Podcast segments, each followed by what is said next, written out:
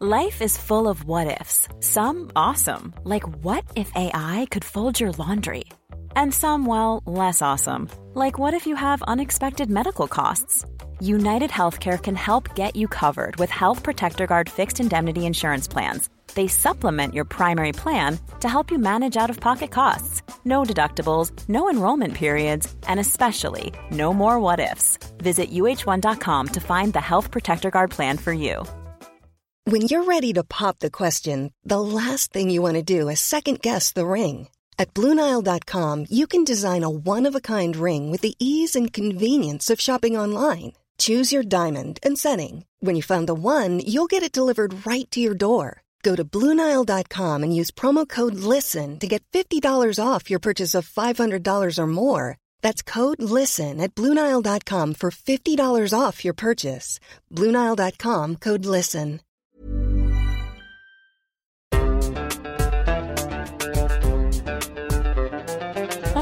بودكاست صوت.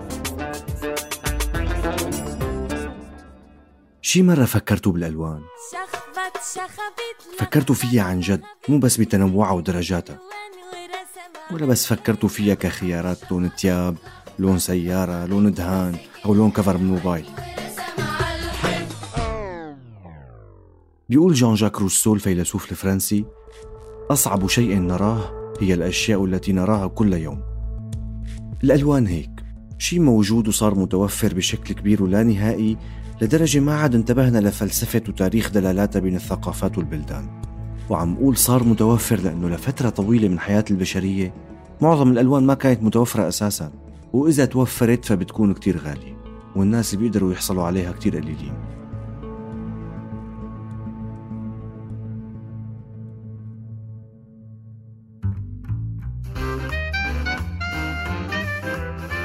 شو رأيكم يا شباب؟ نسميه من بيت؟ لا بالمرة سميه شجرة حبيبي من بيت يا شباب وين فكر حالك حق والله مزبوط. هلا بالله معك حق. مزبوط بس لا ليش حتى أنت يا شباب عم أفتح؟ المعجم؟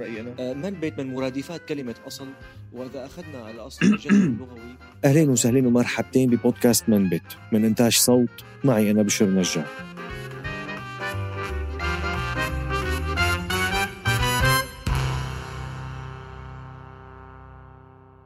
الألوان شي محيط فينا وبنتعامل معهم بشكل يومي بكل الأوقات تقريبا. بنتفاعل معهم بمشاعرنا وأفكارنا وكل واحد منا عنده لون أو ألوان مفضلة. طبعا نحن الرجال بنشوف كم لون مقابل النساء اللي بيشوفوا درجات لونية أعلى. بتضل بتقلك أنو فستان أحلى هاد ولا هاد؟ وأنت بالنسبة إلك كله أحمر. وهي بتكون عم تحكي عن البوردو ودم الغزال وأسماء تانية بتسمع فيها من بعيد وبس. وهالشي له تفسير علمي طبعا. بحسب العلماء بيرجع لأنه النساء كانوا بعصور ما قبل التاريخ بيجمعوا الثمار من على الأشجار وهالشي خلاهم نشوف الألوان بشكل أوضح. أما نحن الرجال فكنا عم نصيد بهديك الأيام. طيب عندي سؤال هون. إذا قلت لك في تعزاية في حالة وفاة بعيد الشر ولازم نروح نعزي شو اللون اللي لازم نلبسه؟ يمكن المتعارف عليه حاليا هو اللون الأسود مع أنه مثلا بالأندلس وبالشرق عموما كان اللون اللي يلبسوه الناس بالتعازي هو الأبيض طيب ليش أسود؟ ليش أبيض؟ شو هي الدلالات المتعلقة بالألوان وشو تفسيرها؟ خلونا نبدأ باللون الأسود اللون الأسود بشكل عام بيرمز للعمق والظلام وبداية الكون بيرمز للقوة والغموض وقت بنحاول نبدأ شيء من اللا شيء شو هي أفضل طريقة لوصف اللا شيء؟ الظلام والفراغ والسواد وبنفس المفهوم تماما الليل بيكون أسود بانتظار الفجر والشروق والشمس اللي بتضوي وبتخلي الرؤية أوضح. بشكل عام الأسود بالنسبة لنا هو مو لون هو غياب اللون هو غياب الضوء. الأسود هو فشل شيء ما بالحصول. بالثقافات الغربية السواد مرتبط بالحزن والموت لنفس السبب. باليونان كانوا يلبسوا أسود وقت الموت. بس بنفس الوقت الأسود هو لون الأناقة بالأعراس والحفلات الرسمية. بالتالي هو مو بس لون الموت والحزن والأشياء السلبية. طيب شو سبب هي الاختلافات؟ السبب هو اختلاف الثقافات والأفكار وحتى الأذواق عند الشعوب وحتى السياسة ممكن تأثر على الألوان مثل ما اعتمدوا العباسيين على اللون الأسود كشعار لدولتهم وصار اسمهم المسودة بعكس الدولة الأموية يلي قضوا العباسيين عليها وكان شعارهم اللون الأبيض. ومن الأسباب المهمة الثانية هي اختلاف ظروف الحياة والبيئات المحيطة. مثلا الفراعنة كانوا يشوفوا اللون الأسود كشيء إيجابي لأنه ربطوه بلون التربة السوداء على أطراف النيل اللي بتكون خصبة أكثر وبيقدروا يزرعوا ويجيبوا منها محصول منيح. فصار الأسود مرتبط بالخصوبة والحياة.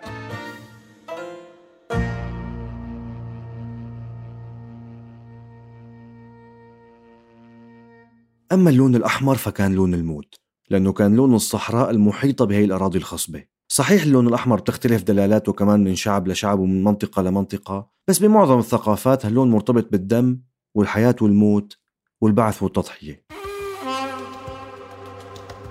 الأحمر هو لون البداية بكتير من الأديان والحضارات. الأديان السماوية تؤمن أن الإنسان الأول آدم عليه السلام خلق من الطين من الصلصال وهالمادتين لون أحمر.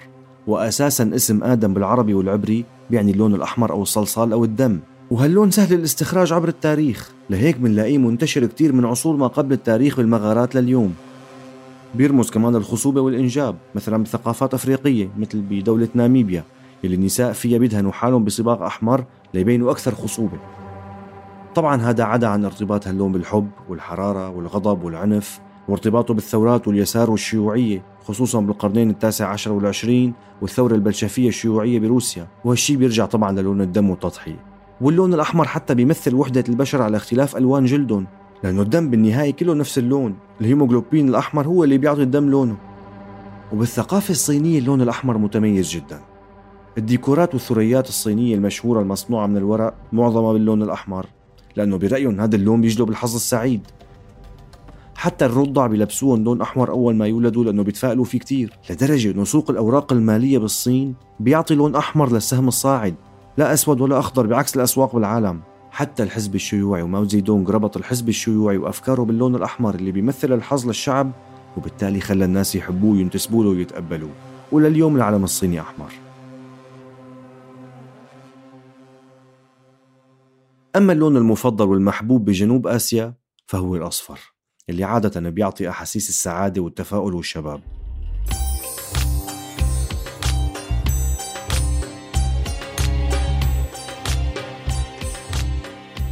بالهند مثلا بيستخدموا الزعفران والكركم ليصبغوا ثياب الرهبان وبيرشوا الكركم على العرسان الجدد والثياب والأكل وحتى على بطاقات الدعوة للاحتفال وجلب الحظ. بالنسبة لهم اللون الأصفر لونه كتير سعيد وحلو. طيب شو السبب؟ التقديرات بتقول إنه الاصفر مرتبط بالشمس والطاقة الآتية من الشمس. نحن لما كنا صغار ويمكن لهلأ إذا حبينا نرسم الشمس بنلونها بالأصفر. والفراعنة كانوا يهتموا بهاللون لاهتمامهم بالشمس اللي بتساعدهم بالزراعة ولمحبتهم للذهب. الذهب كان مثل الشمس بيعكس الضوء وبيلمع وبيشع ولا بيصدي ولا بينتزع. وبالتالي صار له قيمة كبيرة عندهم ولونه هو والشمس صار لون بيتفائلوا فيه. وبنرجع هون لفكرة أنه الألوان متعلقة جدا بالظروف والبيئة المحيطة وحتى بالظروف الاقتصادية. مثلا الأوروبيين ما حبوا الأصفر ربطوه بالأشياء غير المحبوبة. باللوحات اللي بنرسم فيها المسيح مع الناس المحيطين فيه كانوا دائما يلبسوا يهوذا لبس لونه أصفر.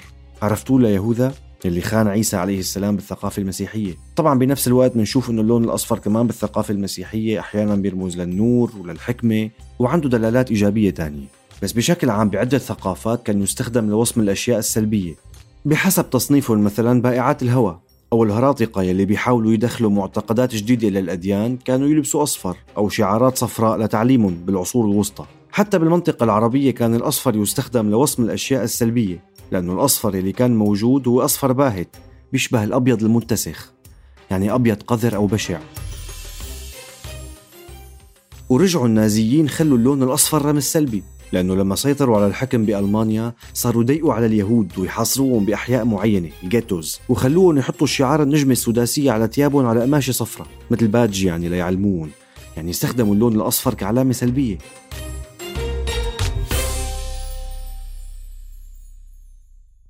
أما بالثقافة الإسلامية فاللون الأخضر هو اللون المفضل. بحسب الأحاديث النبوية هو اللون المفضل عند النبي محمد صلى الله عليه وسلم.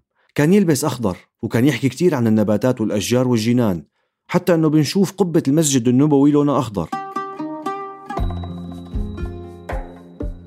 وبالقرآن الكريم بنلاقي اللون الأخضر موجود كتير وفي وصف دائم للجنة على أنها خضراء ومليانة حدائق ونباتات والناس بيلبسوا أخضر واللون الأخضر منتشر كتير حتى أنه أقصر آية بالقرآن الكريم واللي متكونة من كلمة واحدة مدهامتان هي وصف لوني لأشجار بالجنة بلون أخضر غامق مايل لزرقة وطبعا الأخضر كمان بيرمز للخصوبة ومرتبط بالإيمان والبعث والباحثين بيقولوا أنه الأخضر محبوب بمنطقة شبه الجزيرة العربية بسبب قلته وندرته وبسبب أنه هالمنطقة بغالبيتها صحراوية. بس حتى إذا بنطلع للشمال بنلاقي أنه هاللون بيدعو للتفاؤل. بفلسطين وببلاد الشام عموما اسم خضرة للإناث منتشر بشكل كبير لأنه بيدل على الخصوبة والخير وبشكل عام اللون الأخضر بيرمز للتعافي والنجاح والأمل. أما بعصرنا الحالي فطبعا اللون الأخضر صار يرمز للبيئة ولكل الحراكات اللي بتشتغل على محاربة الاحتباس الحراري ونشر ثقافة الأكل العضوي واحترام البيئة. اللون الأخضر صار يرمز للطبيعة لأنه التركيب الضوئي والكلوروفيل كله أخضر وبنفس الوقت الشركات اللي بدها تعطي صورة أن مع البيئة أو منتجاتها ما بتأذي البيئة بيعتمدوا على اللون الأخضر. المطاعم اللي بتحب تعطي صورة على أنه أكلها صحي بتستخدم اللون الأخضر بشكل كبير. طبعا هالشي مو بالضرورة يكون أكثر من إعلان وأسلوب تسويقي.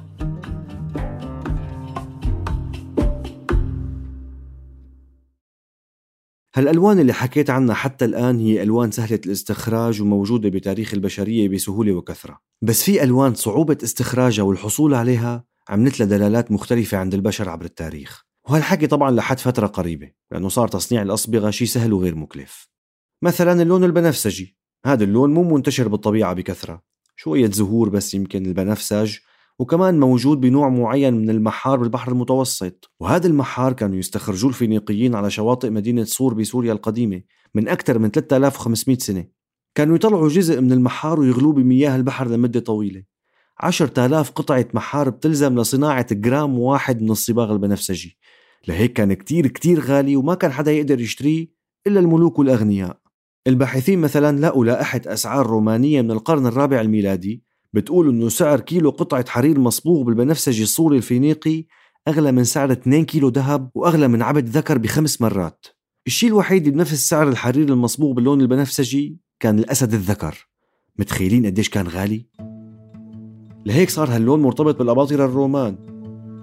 وبعهد ثيودوسوس الثاني كان أي حدا بيشتري أو بيمتلك أو بيتاجر بهاللون يعتبر خاين وبينقتل الإمبراطور بس هو اللي بيلبس رداء كامل بنفسجي. بعده ممكن النبلاء أو القادة يلبسوا ثياب فيها قطع بنفسجية وكلما كانت رتبتك أقل بتقل نسبة اللون البنفسجي بلبسك لهيك بنشوف لهلأ أنه هاللون بيرمز للرفاهية والملكية. وضل هاللون نادر الوجود هيك لل 1850 بلندن. وقت تطورت الكيمياء وصارت صناعة الألوان ممكنة مع النهضة الصناعية. إجا كيميائي بريطاني قدر يركب لون سماه موف وهو درجة من درجات البنفسجي. وانتشر اللون ابتداء من عند الملكة للأغنياء للطبقة الوسطى للناس كلياتهم. وانتشر بال 1860 بكل شيء لأنه قبل كان صعب وغالي فالناس صاروا يشتروه ويصنعوه بشكل هائل لدرجة صار في حالة سموها الموف مانيا جنون اللون البنفسجي. وصار مرتبط بالتلوث. صارت تطلع روايات مع نهايات القرن التاسع عشر تحكي عن أثر التلوث الناتج عن صناعة هاللون بكثرة. ومنها رواية طلعت سنة 1901 اسمها الغيمة البنفسجية اللي بتنتشر فوق العالم بحسب الكاتب لتقتل الناس كلياتهم. بس بنفس الفترة صار اللون البنفسجي كمان بأمريكا بيرمز لنضال المرأة للحصول على حق الانتخاب ولاحقا كرمز لنضال النساء والنسوية لتحصيل حقوقهم بشكل عام.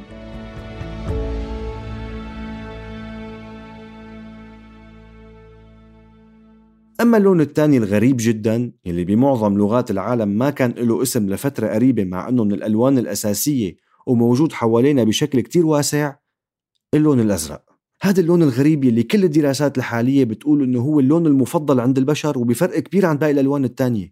30 ل 40% من الناس بيقولوا إنه الأزرق هو لونهم المفضل وهالحكي بكل دول العالم بحسب الإحصاءات.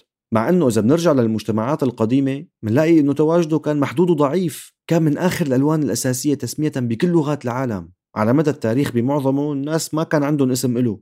هوميروس مثلا بالإلياذة ما استخدم كلمة أزرق ولا مرة. سمى لون البحر المتوسط بالخمر الغامق. وغياب اللون الأزرق واضح بالفن والثقافة بشكل عام.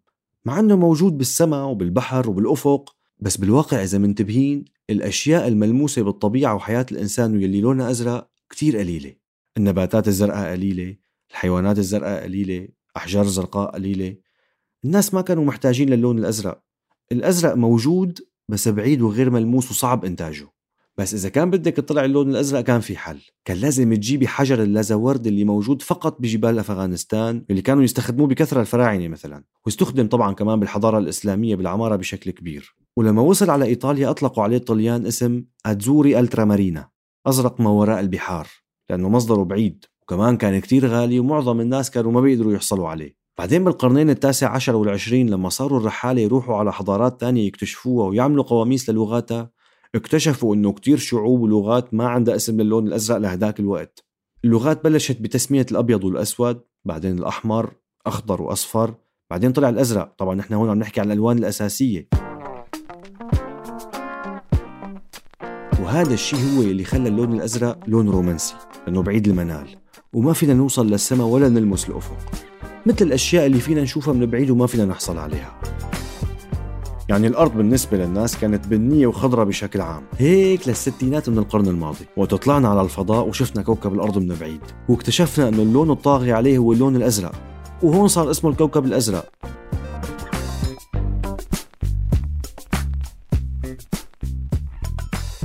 بنجي هلأ للون كثير من الناس بحسوه مو لون.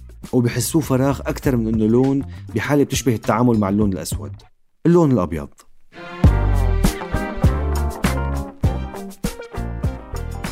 الأبيض عالميا بيرتبط بالنقاء. يمكن لأنه بيعكس الألوان والضوء بعكس الأسود اللي بيمتصهم. بس مع هيك المفهوم قديم قبل ما نفهمه فيزيائيا. طيب ليش بيرتبط بالنقاء؟ الشعوب ربطت الأبيض بالنظافة وبالضوء نظافة الغرف والقماش حتى الحمامات بيض. مثلا التماثيل الإغريقية والرومانية كانت ملونة. بس مع الزمن راح لونها فلاحقا بوقت عصر النهضة العلمية بأوروبا لما أعيد اكتشاف المنحوتات القديمة يلي صارت بيضة صاروا ينحتوا الفنانين مثلها لأنه الأبيض بيمثل النقاء الروحي والأخلاقي والجسدي. وبهديك الفترة صار الأبيض يرتبط بالذوق والجمال والهدوء. وهالشي بنشوفه لليوم بكتير من البيوت بدهنوا الحيطان باللون الأبيض بمعظم الحالات. بس هاللون بالذات في عليه مشكلة وجدل اللي هو جدل العرق والتفوق الحضاري ولون البشرة. طبعا ربط بشرة الإنسان بالألوان شيء قديم جدا غامق أو فاتح. بس بالقرن الثامن عشر بدأ الأوروبيين بربط الألوان بالناس. صاروا العلماء يقولوا إنه في أعراق مختلفة وكل عرق له لون أبيض أسود أصفر أحمر. بس اللي بنقدر نستنتجه هون هو إنه مفهوم إنه الأبيض أفضل هو مفهوم حديث نسبيا. لأنه بمعظم تاريخ الأوروبيين ما كانوا يشوفوا حالهم بيض. بس لما سافروا وشافوا واستعمروا واحتلوا صاروا يفرقوا بالألوان. صاروا يشوفوا إنه هذا لونه أغمق من لوني. وبلش التصنيف باللون بالاختلاف بال 1700 صاروا الأوروبيين يعرفوا حالهم بلونهم وصاروا يفرقوا بين العبيد والأوروبيين بأمريكا. والمشكلة الكبيرة هي لما نربط عرق أو شعب بلون يعتبر أسمى وأنقى بالنسبة للبشر. هالشي بالضرورة رح يعطيهم صورة أهم وأرقى. منقول هو أبيض فهو أنقى فهو أرقى. وهذا الكلام طبعا غلط.